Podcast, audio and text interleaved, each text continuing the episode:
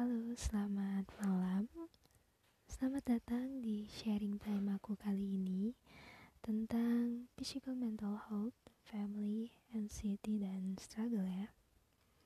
Jadi, tadinya aku tuh ingin bikin sharing time part ini dalam bentuk video gitu.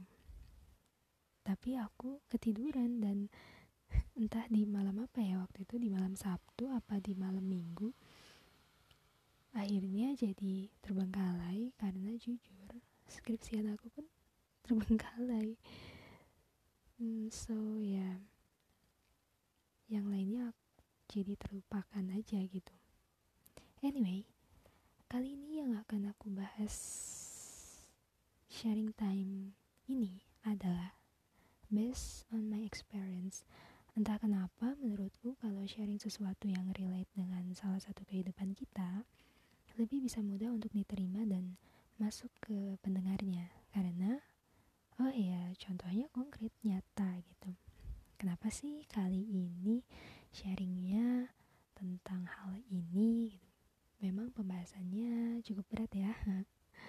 Jawabannya, supaya bisa sama-sama belajar dan kita tahu apa yang mesti kita lakukan kalau kita dihadapi dengan sikon ini dan tentu aja syukur-syukur kalau sharing kali ini bisa mengantisipasi untuk seseorang di kemudian hari. Oke, kalau gitu kita awali dulu dari family, keluarga ya, di part selanjutnya. Jadi yang akan kita bahas pertama adalah family atau keluarga ya. Ini true story, aku ceritain singkatnya. Kalian tahu kalau aku sudah sangat lama ditinggal ayah. Singkat cerita, ibuku akhirnya menikah lagi dan aku punya ayah sambung, ditambah kakak sambung empat. Total aku punya tujuh kakak, jadi lima kakak laki-laki dan dua kakak perempuan. Disadari atau tidak, tapi semuanya itu faktor utama penyebab aku mengalami anxiety pun juga tekanan. Mungkin banyak yang beranggapan, wah enak ya jadi bungsu, banyak yang sayang atau enak punya gak punya banyak kakak, banyak yang jagain. Kenyataannya belum tentu dan nggak sepenuhnya benar. Sebagai contoh kasus aku.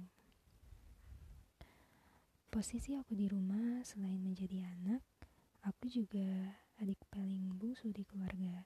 Meskipun pada umumnya anak bungsu itu biasanya dimanja ya, paling banyak mendapatkan kasih sayang lah gitu. Tapi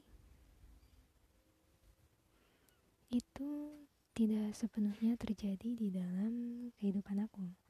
Bahkan hampir bisa dikatakan bungsu rasa sulung. Loh kok gitu?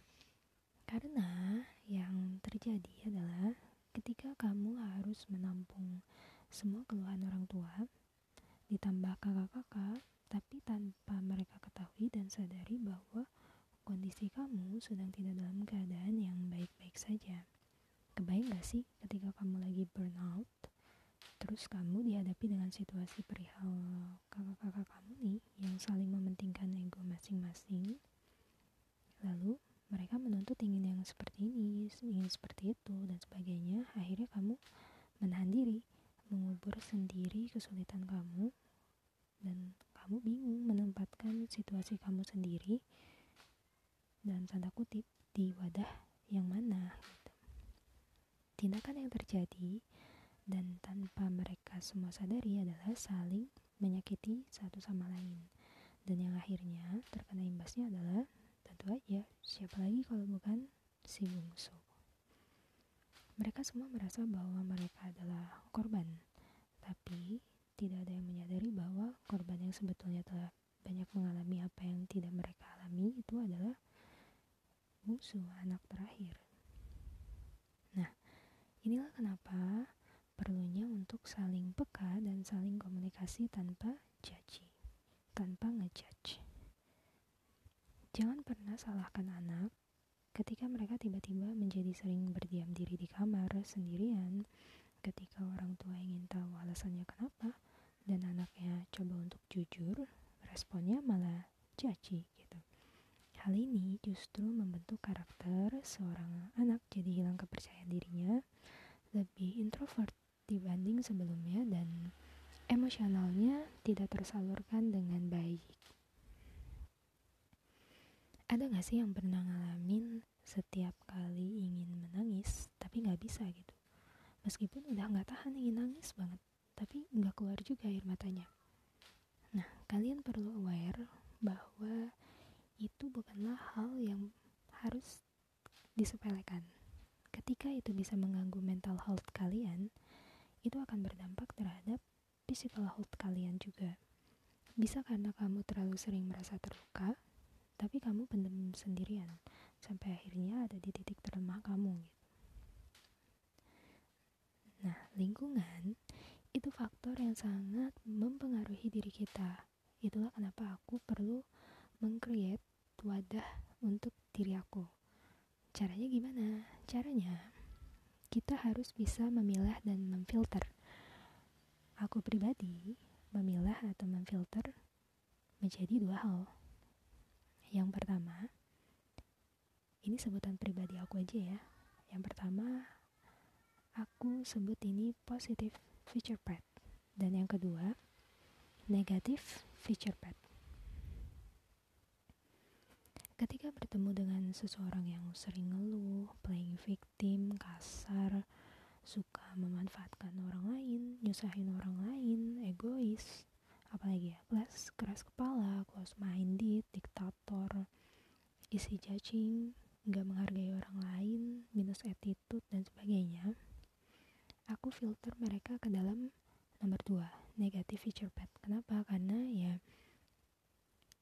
itu nggak membentuk diri kita jadi lebih baik. Justru kalau kita terlalu berlama-lama bergaul dengan lingkungan itu kita nggak akan bisa maju dan nggak akan bisa eh, mengkualitasi diri lah gitu ya. Nah ketika bertemu dengan seseorang yang care, yang aware, bijak, dewasa, pemaaf, penyayang, support, apalagi positif, asik, humoris, sefrekuensi gitu, pendengar yang baik, sabar, isi going, ramah, peka, dan sebagainya. Aku pilih mereka ke dalam prioritas aku nomor satu, positif feature pad. Nah tapi ada juga loh kategori orang-orang yang positif tapi toxic. Kok bisa? Nah, di part selanjutnya akan aku jelaskan. Nah, kategori orang-orang yang positif tapi toxic kok bisa? Jadi, niat mereka mungkin benar, kasih kata-kata yang positif. Tapi, energi yang kamu terima dan yang mereka ucapkan sama kita itu justru malah negatif. Contohnya, berpikir positif aja lah gitu.